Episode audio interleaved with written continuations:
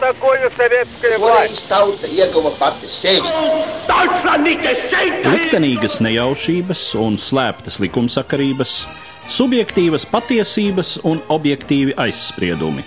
Pēc atkušņa nekad nenāk uzreiz pavasars, bet sākās Arī šodien cilvēki ir ļoti tūredzīgi. Viņi redz to naudu, kas ir. Televīzijā jau pamatā notiek cīņa par varu.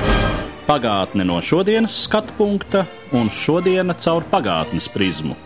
Raidījumā šīs dienas acīm. Katru svētdienu Latvijas radio ēterā Eduards Liniņš. Labdien, cienījamie klausītāji! Vakar, 24. februārī, savu valstiskuma simtgadi svinēja mūsu kaimiņi - Igaunijas republika. Par to, kādi bija Igaunijas suverēnā valstiskuma pasludināšanas apstākļi 1918. gadā, mana saruna ar Igaunijas Nacionālās aizsardzības koledžas, stratēģijas un militārās vēstures katedras vadītāju, militāro vēsturnieku Artu Johansonu. Vispirms profesors Johansons iezīmēja kopīgo un atšķirīgo Igaunijas un Latvijas situācijā Pirmā pasaules kara noslēgumā. thinking about those factors, how the developments were in Latvia and in Estonia, then we have to see the different uh, backgrounds. Estonia had uh, certain goals, but in Latvia they were uh, working out in different ways. Especially when we are seeing that um, Latvia had a front in Latvia. And not only for the military, but it was as well publicly. The opinion towards the Germans was so negative that you wanted to deal at first with the German oppressors or invaders, when we had it as a secondary goal was that we uh, shall uh, defend our, uh, how can I say, autonomous state, or uh, we are member of a Tsarist Russia, but we didn't have a front in Estonia, and it uh, changes a lot. Domājot par faktoriem, kas iespaidoja notikumus Latvijā un Igaunijā, mēs redzam atšķirīgu attīstības pamatu. Mērķi, kas tika stādīti Igaunijā, Latvijā izkārtojās citādi. Vispirms mēs redzam, ka Latvijā tobrīd atradās frontes līnija, un ne tikai starp latviešu karavīriem, bet arī sabiedrībā kopumā bija tik ļoti negatīva attieksme pret vāciešiem, ka galvenais mērķis jums šķita tikt galā ar vācu iebrucējiem. Mums tas bija sekundārs mērķis. Es varētu uzrādīt četrus atšķirīgus aspektus, kas iespaidoja tā laika politiskos procesus Igaunijā. Pirmkārt, Igauniem nebija atsevišķa nacionālo vienību cariskās Krievijas armijā. Igauni bija izkaisīti visdažādākajās Krievijas armijas vienībās, tā izskaitā arī latviešu strelnieku pulkos. Vairāk nekā tūkstotis Igauni dienēja latviešu strelniekos. Līdz ar to par virzošu motīvu kļuva vēlme sapulcināt mūsu karavīrus atpakaļ dzimtenē un organizēt viņus nacionālās vienībās. Otrais uzdevums bija nostabilizēt drošības situāciju savā zemē, īstenot milicijas funkcijas. Bija jānovērš brūkošās Krievijas armijas dezertieru sirojumi, bolševiku organizētās mantīgo aplaupīšanas un tā tālāk. Trešais mērķis 1917. gadā bija autonomijas status iegūšana. Tobrīd mēs vēl bijām gatavi palikt Krievijas valsts daļa, bet iegūstot autonomiju līdzīgi Somijai. Somija un arī Polija bija tie pašnoteikšanās piemēri, kuriem to brīdi sekoja, un tikai kā ceturtais tika saskatīts uzdevums aizstāvēt Igauniju pret vācu iebrukumu, kas bija primārais mērķis Latvijā. Toreizējās Krievijas impērijas nomaļu tautu virzīšanās uz savu valstiskumu sākās pēc februāra revolūcijas uzvaras Krievijā 1917. gadā. Ar šo brīdi arī sāksim konkrēto notikumu gaitas iezīmējumu. Certain events in Estonia, what were happening, were the uh, Kronstadt uh, riot, which happened in the 1st of March. And at the 2nd of March in Tallinn, we had uh, as well riots, and uh, the local power was uh, fragile in that sense. But those events were uh, influenced from the Petersburg. Everyone heard what ha- what is happening in Petrograd at the time. Then there were like riots in the Tallinnas factories. Then, uh, 1917. gada februārī, kad cers atkāpās no troņa, drīz sākās noteikti procesi arī Igaunijā. 1. martā notika nemieri Kronštatē, Krievijas flotes bāzē Somlīcī, un jau 2. martā nemieri sākās arī Tallinā. Arī šeit varas situācija kļuva nestabila. Taču šie notikumi drīzāk bija iespaidot no ārienes. Pienāca ziņas par to, kas notika Petrogradā, un tad arī Tallinas rūpnīcās sākās dumpošanās. Sāka dibināties strādnieku komitejas, kas nonāca sociālistu ietekmē. Savukārt, Krievijas pagaidu valdība, kas nāca pie varas pēc cara gāšanas, nomainīja toreizējās Igaunijas guberņas vadību. Par jauno gubernatoru kļuva Jānis Poska, kurš līdz tam bija Tallinas pilsētas galva. Viņš bija labi izvēle gan Igauniem, gan arī Krievijas pagaidu valdībai, jo viņam bija vairāk saikņu ar Krieviju nekā vairumam Igauņu politiķu, kur atradās Vācu baltiešu ietekmē. Jānis Poska un viņa komanda izveidoja jaunu administrāciju un panāca, ka tās kontrolē nodod ne tikai Igaunijas guberņu, bet arī Vidzemes guberņas Igauņu daļu. Tā pirmo reizi vēsturē visa Igaunija apdzīvotā teritorija tika apvienot vienā nacionāla teritoriālā vienībā. Tajā dzīvoja arī minoritātes, bet Igauni veidoja dominējošo vairākumu. Tas, protams, iespaidoja arī Latviju, jo latviešu vidzemē attiecīgi palika kā savrupa vienība. Savu jauno administratīvo apgabalu Igauni ieguva diezgan interesantiem gājieniem. 26. martā Petrogradā notika patiešām ievērojama demonstrācija.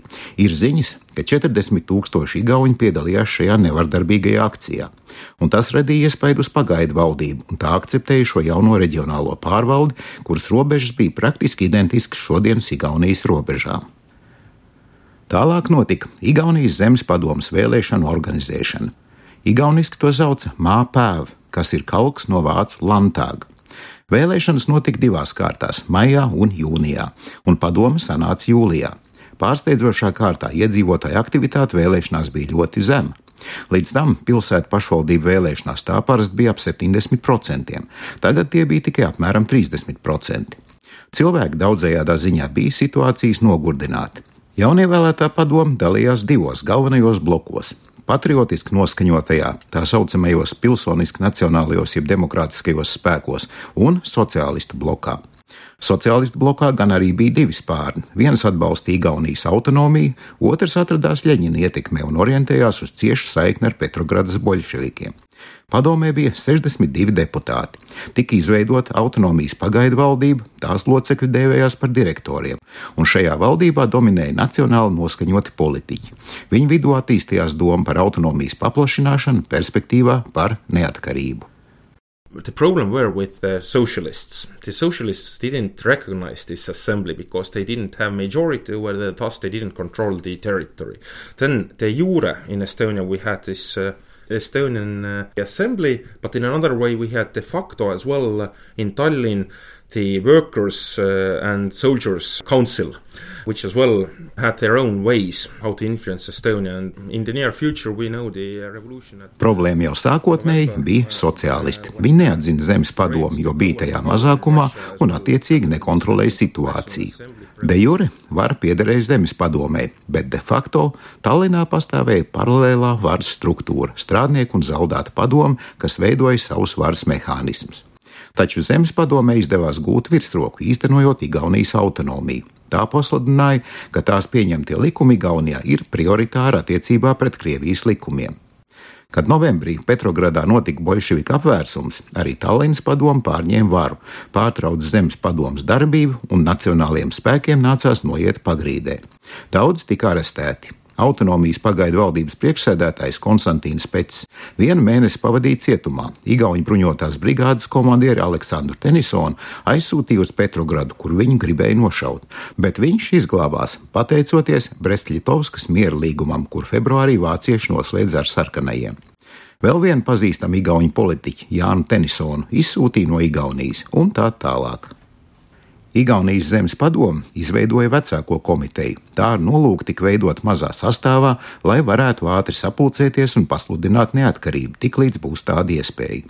Vecāko komiteju turpināja darboties pagrīdē, tikās dažādos konspiratīvos dzīvokļos, bet saglabāja skaidru vīziju par neatkarības pasludināšanu un atdalīšanos no Krievijas. Bija arī citas idejas par valstiskumu, kā jāveido Baltijas līga kopā ar Latviju un Lietuvu vai jāapvienojas ar Somiju. Aprindās ārpus zemes padomas loka pastāvēja arī ideja par pievienošanos Vācijai, taču zemes padomas vidē to nepieņēma, jo tajā saskatīja Igauņu tautas bojājas briesmas.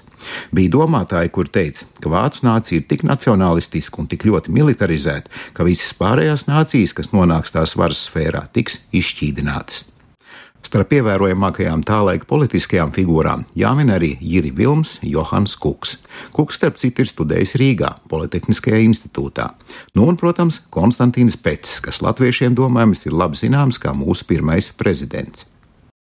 Vecāko padomu izveidoja Igaunijas glābšanas komiteja. Šai komitejai bija jāorganizē Igaunijas neatkarības deklarēšana brīdī, kad būs iestājies kāds starpvaru periods. Latvijā, piemēram, neatkarības deklarēšana notika novembrī, kad vācieši Pirmo pasaules karu bija zaudējuši, savukārt sarkanie, kur sev uzskatīja par likumīgajiem cariskās Krievijas mantiniekiem, vēl nebija atgriezušies. Tad iestājās starpvaru periods, kur jūs varējāt izmantot. Mums izdevās izmantot starpvaru periodu februārī, tieši to brīdi, kad vācieši jau tuvojās, bet vēl nebija klāt. Savukārt bolševiku spēki jau pameta valsti. Var piebilst, ka tad, kad 1918. gada februārī Vācijas armija ieņēma Igauniju, Igauniem izdevās zināma sadarbība ar vāciešiem. Līdz februārim vācieši jau bija ieņēmuši Igaunijas salas un visu Latviju, un februārī virzījās gan no salām caur Hāpsalu, gan no dienvidiem. Tiek lietot vairāki mūsu neatkarības deklarācijas nosaukumi. Pamatnosaukums ir Manifests Igaunijas tautām. Ievērojiet, nevis Igaunijas tautai vien, un ne tikai mūsu pašu nācijai, bet arī citām šeit dzīvojošajām tautībām. Tātad igauniski mēs to saucam par manifestu, bet angļu valodā pareizi ir lietot apzīmējumu deklarācija. Dokuments bija gatavs jau 21. februārī, un glābšanas komitejai vajadzēja to izsludināt. Tas vispirms notika pilsētās, kuras bolševiku vienības jau bija pametušas, bet vācieši vēl nebija ieņēmuši. Vietām Igaunijas nacionālajām militārajām vienībām izdevās vienoties ar vāciešiem. Tās bija Igaunijas vienības, kas formāli bija bijušas bolševiku Krievijas pakļautībā, taču faktiski bija nacionāli noskaņotas. Un bija gadījumi, kad šīs vienības vienojās ar vāciešiem, ka viņi neieņems to vai citu pilsētu pirms noteiktā laika, lai Igauni paspētu izsludināt savu neatkarības manifestu un pacelt mūsu nacionālo karogu. Dažādās pilsētās tas notika dažādi, taču nepārprotami bija tas, ka Igaunijas karavīri tobrīd bija ārkārtīgi entuziastiski neatkarības jautājumā, sevišķi jau virsnieki. Vācieši pret Igaunijas vienībām izturējās ar zināmu respektu un daudz vietā tās pat neatbruņoja, izmantojot kā vietējo miliciju. Aprīlī gan vācieši šīs vienības likvidēja. Neviens jau Igaunijā nebija sajūsmā par vācu ienākšanu, taču mums šis okupācijas laiks bija noderīgs, jo galu galā vācieši karu zaudēja, bet viņu okupācijas periodā mēs spējām organizēties cīņai pret sarkanajiem, kur sāk atgriezties novembrī. Kāda bija dažādo Igaunijas sabiedrības grupu attieksme pret neatkarības ideju? Estonian society wasn't so heavily industrialized as Latvian uh, society was, but mainly in Latvia you had as well uh, real large minorities. When in Estonia there was basically 1.1 million uh, inhabitants and uh, 1 million were uh, agriculturally, like of course in towns there were more, but still we didn't have such a strong socialist movements who could see that the socialists from Russia is always good because when being objective, then the socialist ideas, those are universal, those are the good slogans at the time, because they promise. Igaunijas sabiedrība nebija tik industrializēta, kāda tā bija Latvijā. Tāpat mums bija mazāk minoritāšu. Ja tā laika Igaunijā bija apmēram 1 miljons 100 tūkstoši iedzīvotāji, tad miljons dzīvoja laukos un mazpilsētās. Tāpat mums nebija tik plašas sociālistu kustības, kurai šķistu tik pievilcīgas Krievijas radikālo sociālistu idejas. Sociālisma idejas kā tādas ir universālas, un sociālisma lozungi tobrīd bija ļoti pievilcīgi. Tie solīja šīs utopijas - turību ikvienam, tūlītēji mieru bez aneksijām un kontribūcijām, maizi un zemi visiem, kuriem tās nav. Zemes jautājums Igaunijā bija ļoti aktuāls, jo arī šeit, tāpat kā Latvijā, liela daļa zemes piederēja vācu lielīpašniekiem. Tāpēc bija loģiski, ka bija atbalsts sociālistu kustībai, un arī šajā sociālistu kustībā bija daudzējādā ziņā atšķirīgi novirzieni. Bija piemēram Igaunija eseri, kur sākotnēji atbalstīja ideju par palikšanu vienotajā padomju Krievijā. Bet, kad bolševiki sagrābuši varu, sāk īstenot savu vardarbību, eseri mainīja savu pozīciju par labu nacionālajai valstī. Kā jau minēju, Igauniem nebija tik saspīlētas attiecības ar vācu baltiešu minoritāti, kādas tās bija latviešiem. Tāpēc vācieši jau sākotnēji bija labvēlīgāk noskaņot pret Igaunijas valsti. Protams, Vācu okupācijas situācijā, parādoties idejām par kādu Vācijas satelītu valstu Baltijā, stāvoklis mainījās. Sevišķi attiecības ar vācu baltiešiem sabojāja 1919. gada vasara, asiņainās kaujas vidzemē, kurās vācu baltiešu landesvērs cīnījās pret Igaunijas armiju. Tāpēc vēlākā agrārā reforma Igaunijā bija vēl radikālāka nekā Latvijas variants. Vācu mužniekiem neatstāja pilnīgi nekādus īpašumus. Kas attiecas uz krievu minoritāti, kas Igaunijā bija vislielākā starpkara periodā apmēram 8%, tad tā nebija noskaņota īpaši bolševistiski, drīzāk otrādi. Igaunijas Krievu vidū bija ne tikai strādnieki, bet arī daudz ierēģi, dažādi līmeņa īpašnieki, cara armijas virsnieki, vēsturiski šeit ieceļojošie vecticībnieki. Jau pēc 1917. gada revolūcijas Igaunijā ieplūda daudz balto emigrantu, un tas bija iemesls, kāpēc šo kopienu 40. gadā skāra smagas represijas. Un jāsaka, arī jaunā Igaunijas valsts bija ļoti toleranta pret mazākumu tautībām. Ievērojiet, arī manifests ir adresēts visām Igaunijas tautām. Kā jūs vispārīgāk raksturotu to procesu, kurā Igaunu nācijā nobrieda valstiskuma apziņa? Kā veidojās izpratne, ka Igaunija tiešām var būt suverēna valsts? We have to say that uh, the first begun by the Estonians in beginning of the uh, 1900s when there were local elections and even uh, like Estonia had first mayor in Valga like it was the mayor who was firstly declared by Estonian and Latvian League which is quite interesting. During the first world war most of the Estonian town mayors were Estonians. But thus we had the governing experience as well the uh, revolution 1905 where what we are saying is the background. There were some uh, thinkers who th uh, told that Estonia should be independent but we have to see at that time Europe or the geopolitical Mēs varam teikt, ka Igaunijas pašnoteikšanās apziņa sāk veidoties 20. gadsimta sākumā, kad Igauni sāk masveidīgi piedalīties vietvaras vēlēšanās. Pirmais Igaunijas tautības mērs tika ievēlēts Valkā, un, kas interesanti, viņš pārstāvēja Igauniju Latviešu līgu. Pirmā pasaules kara laikā jau vairums pilsētu galvu bija Igauni. Tāpat mums bija zināma pašpārvaldes pieredze no 1905. gada revolūcijas. Par iespējamu neatkarīgu valsti gan šajā laikā runāja tikai daži domātāji. Mēs redzam, ka tolaik Eiropā nacionālo valstu ģeopolitiskais status daudzos aspektos joprojām bija vājš. Eiropā joprojām dominēja impērijas, nacionālās valsts bija drīzāk marginālas.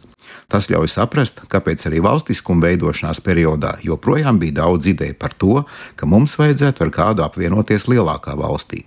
Dažiem šķita, ka mums vajadzētu kļūt par Lielbritānijas protektorātu, citiem, ka vajadzētu kopīgu valsti ar Somiju, vēl citiem, ka Baltijas nācijām vajadzētu apvienoties vienā valstī.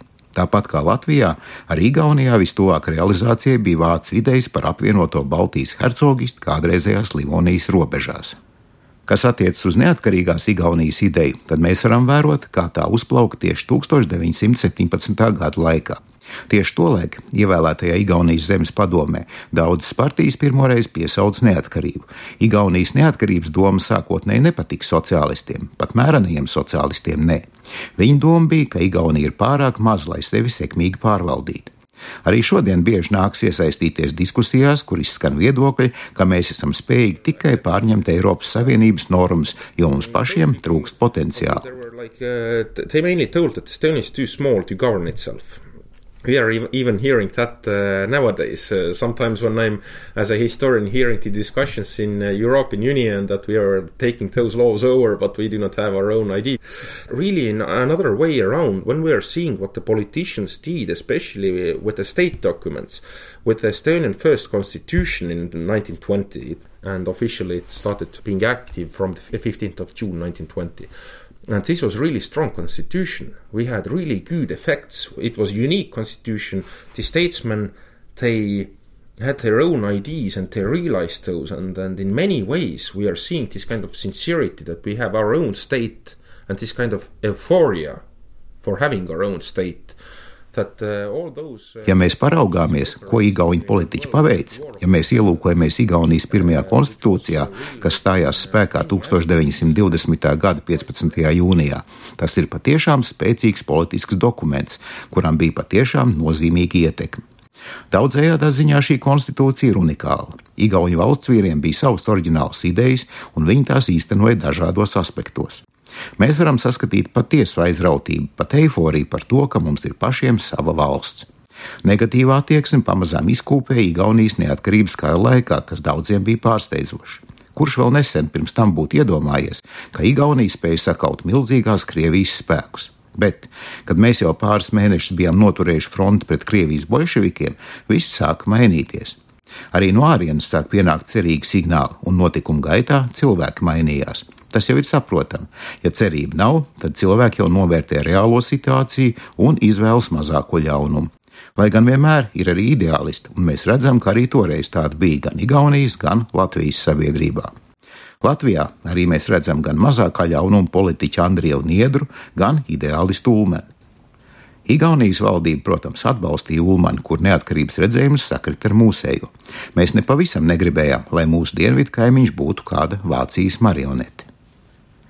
Daudzi cilvēki tajā laikā bija sociālistiski noskaņoti, un sociālistiskās idejas daudzējādā ziņā nebija sliktas. Mēs jau pieminējām Igaunijas agrāro reformu. Tās rezultātā cilvēki ieguva savu zemes īpašumu, turpinājumā izveidoja savas saimniecības, un Igaunijas ekonomika uzplauka. Diezin vai tas būtu iespējams, ja saglabātos vācu baltiešu mantojums, lielās mūžas. Protams, tūlīt pēc neatkarības iegūšanas Igaunijas sabiedrībai bija daudz politisku un citu problēmu, taču man jāsacina, ka neatkarības ideja ir galvenais, kas ļāvis mums saglabāt savu identitāti. To nespēja iznīcināt pat 50 smagas okupācijas gadi un tā bija patiešām smaga okupācija, jo runa jau nebija tikai par teritorijas ieņemšanu un kontrolēšanu, kas ir klasiskā militāras okupācijas izpratne, bet par nācijas identitātes apspiešanu. Tāpēc tie 20 neatkarības gadi ir gan mums, Igauniem, gan jums, Latviešiem, ļoti svarīgs laiks. Jūs jau pieminējāt Somiju kā paraugu Igaunijas valstiskuma veidošanai. Cik liela ietekme jūsuprāt bija tam, ka turpat otrpus Somu līča atradās Somija, kas kā pirmā no Krievijas impērijas nācijām ieguva savu valstiskumu? The historical aspect is that Finland had uh, autonomy even in the 19th century. They were having the most strongest autonomy in the Tsarist Russia, and uh, they weren't governed by even not so heavily influenced by the Russians, but by the Swedes, even after the Swedish uh, Reagan of Finland. And uh, Finns had their own currency, they had their own uh, assembly, and uh, thus they had really good experience. But Vēsturiskais aspekts ir tas, ka Somijai autonomija bija jau 19. gadsimtā. Viņiem bija plašākā autonomija cariskajā Krievijā. Un Somijā lielākais iespējas bija nevis Krievu administrācijai, bet gan Zviedru elitei pat pēc tam, kad tā vairs nebija Zviedrijas valsts sastāvā. Viņiem bija pašiem sava naudas sistēma, savs parlaments, un tas deva viņiem patiešām labu pašnoteikšanās pieredzi. No otras puses, Somijā notika nevis neatkarības karš, bet gan īsts pilsoņu karš, jo liela daļa Somu bija kreisi noskaņoti. Baltie Somi bija pirmie, kas bija gatavi kā brīvprātīgie cīnīties Igaunijas neatkarības karā. Somi šai sakarā lieto īpatnēju apzīmējumu Heimu Sodat, kas būtu tulkojams kā radu tautu karš. Tas bija koncepts, saskaņā ar kuru Somijam bija tiesības un pienākums atbalstīt kaimiņos dzīvojošās somu gurtautas cīņā pret bolševikiem. Cieši kontakts starp Igauniem un Somiem iedibinājās jau 19. un 20. gadsimta mijā. Bija kultūras kontakti, aktīva studentu apmaiņa. Tā bija patiesa draudzība starp divām nācijām, kuras saprata vienu otras valodu. Un tā viss rezultāts bija, ka Somija kā pirmā piešķīra jaunajai Igaunijas valstī kredītu, oficiāli piegādāja ieročus un sūtīja brīvprātīgos ievērojamā skaitā. 1918. gada beigās Igaunijas rīcībā bija apmēram 4000 bruņotu vīru, un Somija atsūtīja vēl 3000 brīvprātīgo. Pati Somija tobrīd vairs nebija iesaistīta aktīvā kārdarbībā pret sarkanu armiju, lai gan turpinājās manis jau piesauktais radu tautu karš Karēlijā. Somu atbalsts sevišķi nozīmīgs bija Dienvidu frontē, pret toreizējās padomju Latvijas armiju, visai kaujas spējīgajiem latviešu sarkanajiem strēlniekiem. Somu cīnījās pamatā tieši tur. Nozīmīgi ieguldījumu deva piemēram pulkvedis Hans Kalns. Viņš gan pēc izcelsmes bija Gauns, dzimis Vīlandes pusē, bet no cara armijas pārgāja Somijas armijā. Tādiem cilvēkiem kā viņš bija liela loma pieņemot operatīvus lēmumus, tā skaitā par ieiešanu Latvijas teritorijā. Viens spilgts piemērs ir Alūksnes Jēkabpils operācija 1919. gada jūnijā. Manuprāt, viens no spilgtākajiem manevru kara piemēriem. Kopumā var teikt, ka Somija uzskatīja, ka no sarkanajiem pēc iespējas jātiek vaļā ne tikai Somijā, bet arī kaimiņu valstīs. Iespējams, ģeopolitiski vēl nozīmīgāks faktors, kā Somija bija Britu flotes eskadra, kas 18. gada beigās ieradās Igaunijas ūdeņos. Tika atvērti tirdzniecības ceļi, varēja notikt ieroču piegādes, pie tam Briti sagūstīja un nodeva Igaunijai sarkanās flotes kuģus. Pēc cēlus kaujām, kad Igauni tuvojās Rīgai, Vācu vienības strauji pameta Daugavas labo krastu arī tāpēc, ka Daugavas grīvā iebrauc Igauni karakuģi. Vēl var pieminēt, ka brīvprātīgie Igaunijā ieradās arī no citām Skandināvijas valstīm, no Zviedrijas un Dānijas. Un, protams, jāpiemina nozīmīgā sadarbība starp Igauniem un Latviešiem. Tā nesākās tikai 18. un 19. gadā. Pirmā pasaules kara laikā Igaunijā nonāca apmēram 50 tūkstoši latviešu bēgļu. Piemēram, Tartu darbojās 61 no Latvijas pārcēlies uzņēmums. Un, kad Igaunijas teritorija bija atbrīvota, mēs sākām organizēt Ziemeļlatvijas brigādi. Igaunija nodrošināja ieročus, apgādi un apmācību, taču tās bija latviešu vienības, kuras vēlāk pievienojās Latvijas armijai. Šai sakarā var pastāstīt vēl vienu interesantu stāstu. 1918. gada 24. februārī Tallinā sākās ielu cīņas starp bolševikiem un Igaunijas neatkarības atbalstītājiem. Pirmais, kurš krita šais kaujās, bija Latvijas Jānis Mužnieks. Viņš tobrīd bija Tallinas Reāla ģimnāzijas audzēknis un pirmais kritušais cīņā par Igaunijas brīvību. Skaists fakts.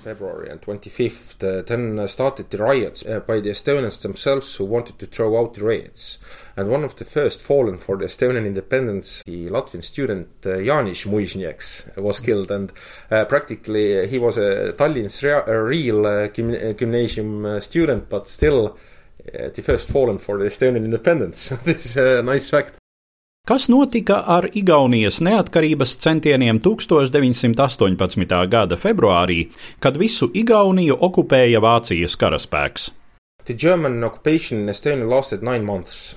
And it wasn't, how can I say, so strong in many ways. The Germans couldn't suppress our feelings towards the independence. We didn't accept their rule in many ways. But what the Germans did. Vācu okupācija ilga deviņus mēnešus. Daudzajā ziņā tas nebija tas bargākais okupācijas režīms. Vācieši jebkurā gadījumā vairs nespēja apspiest neatkarības noskaņojumu sabiedrībā. Kad vācu okupācijas spēki ieradās, viņi, protams, sāk šeit īstenot savus plānus, viņu oberostu pārvaldes ietvaros. Mēs redzam, ka vietējo viedoklis viņus īpaši neinteresēja. Viņi apturēja daudz organizāciju darbību, kas bija noskaņotas par labu Igaunijas neatkarībai, arī tādu organizāciju, kuras darbojās jau kopš ceru laikiem. Un attieksme pret viņiem arī bija pamatā negatīva negatīva. To īsti nevar salīdzināt ar 1941. gadu, kad vācieši sākotnēji tika uzlūkoti kā īsti atbrīvotāji no bolševikiem. Runājot par Tartu, sevišķi leģendāri negatīva attieksme pret universitātes ģermanizāciju. Kā zināms, Tartu bija vienīgā vācu valodīgā universitāte cariskajā Krievijā, un vācu okupācijas vara to mēģināja pārvērst par tīru vācu universitāti. Studenti tam sīksti pretojās. Kā jūs teiktu, vai tas, ka Igaunijai izdevās deklarēt savu neatkarību deviņus mēnešus agrāk nekā Latvijai, deva tai kādas būtiskas priekšrocības? No, it was a symbolic gesture. We practically had to declare it and the people should know. The printing presses were working and uh, we were putting these uh, manifestos to everywhere that people should see it. But in a real matter, I think it didn't give so much gains, uh, but the geopolitical, uh, how can I say, solutions. When Germans and Soviets made the Nē, šī neatkarības deklarācija bija vairāk simbolisks žests. Mēs to deklarējām, drukas mašīnas strādāja, un mēs to izplatījām vispārējai zināšanai. Taču ģeopolitisko risinājumu ziņā īpašas priekšrocības tas nedēļ. Piemēram, kad vācieši un bolševiki slēdz Brestļtovskas mierlīgumu, neviens tādu deklarāciju neņēma vērā. No praktiskā viedokļa, tomēr šī vācu okupācija, kas ignorēja mūsu neatkarības centienus, nāca par labu. Ja te būtu saglabājusies sarkano vara, kas zina, kas būtu noticis ar tiem darbiniekiem, kur bija neatkarības kustības priekšgalā. Taču pati deklarācija kā tāda tobrīd bija simboliska, tāpat kā lietuviešiem, kuri savu neatkarību deklarēja 16. februārī. Latvija savu neatkarību tobrīd nedeklarēja tikai tāpēc, ka jūsu teritorijā jau atradās fronte un praktiski nebija starplaiks starp bolševiku un vācu varām, kurā jūs būtu varējuši paspēt to izdarīt. It was declared as well, the Lithuanians declared it like 16th of February. And in Latvia, the situations were different. You had already the German forces in, we didn't have. Because we had interregnum, you didn't have practically. Tā Igaunijas Nacionālās aizsardzības koledžas stratēģijas un militārās vēstures katedras vadītājs, militārais vēsturnieks Arts Johansons, mūsu sarunā, kas bija veltīta Igaunijas suverēnā valstiskuma pasludināšanai pirms simt gadiem. Līdz ar to mūsu šodienas raidījums izskan. Uz redzēšanos, cienījamie klausītāji! Katru svētdienu Latvijas radio viens par pagātni sarunājas Eduards Līniņš.